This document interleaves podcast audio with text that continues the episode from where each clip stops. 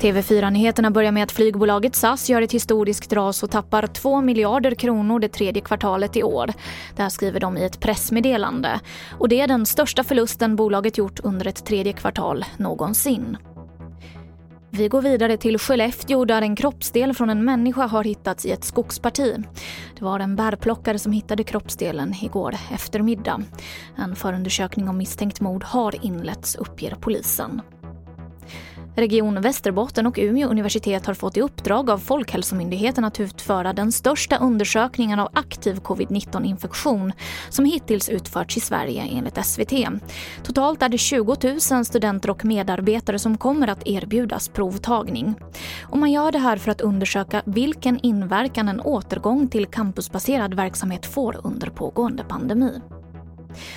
Och nästan hälften av svenskarna, 46 procent, tycker att det gnälls mycket på deras arbetsplats. Och så pass mycket att det är ett arbetsmiljöproblem. Det här visar en undersökning från bemanningskoncernen Manpower Group.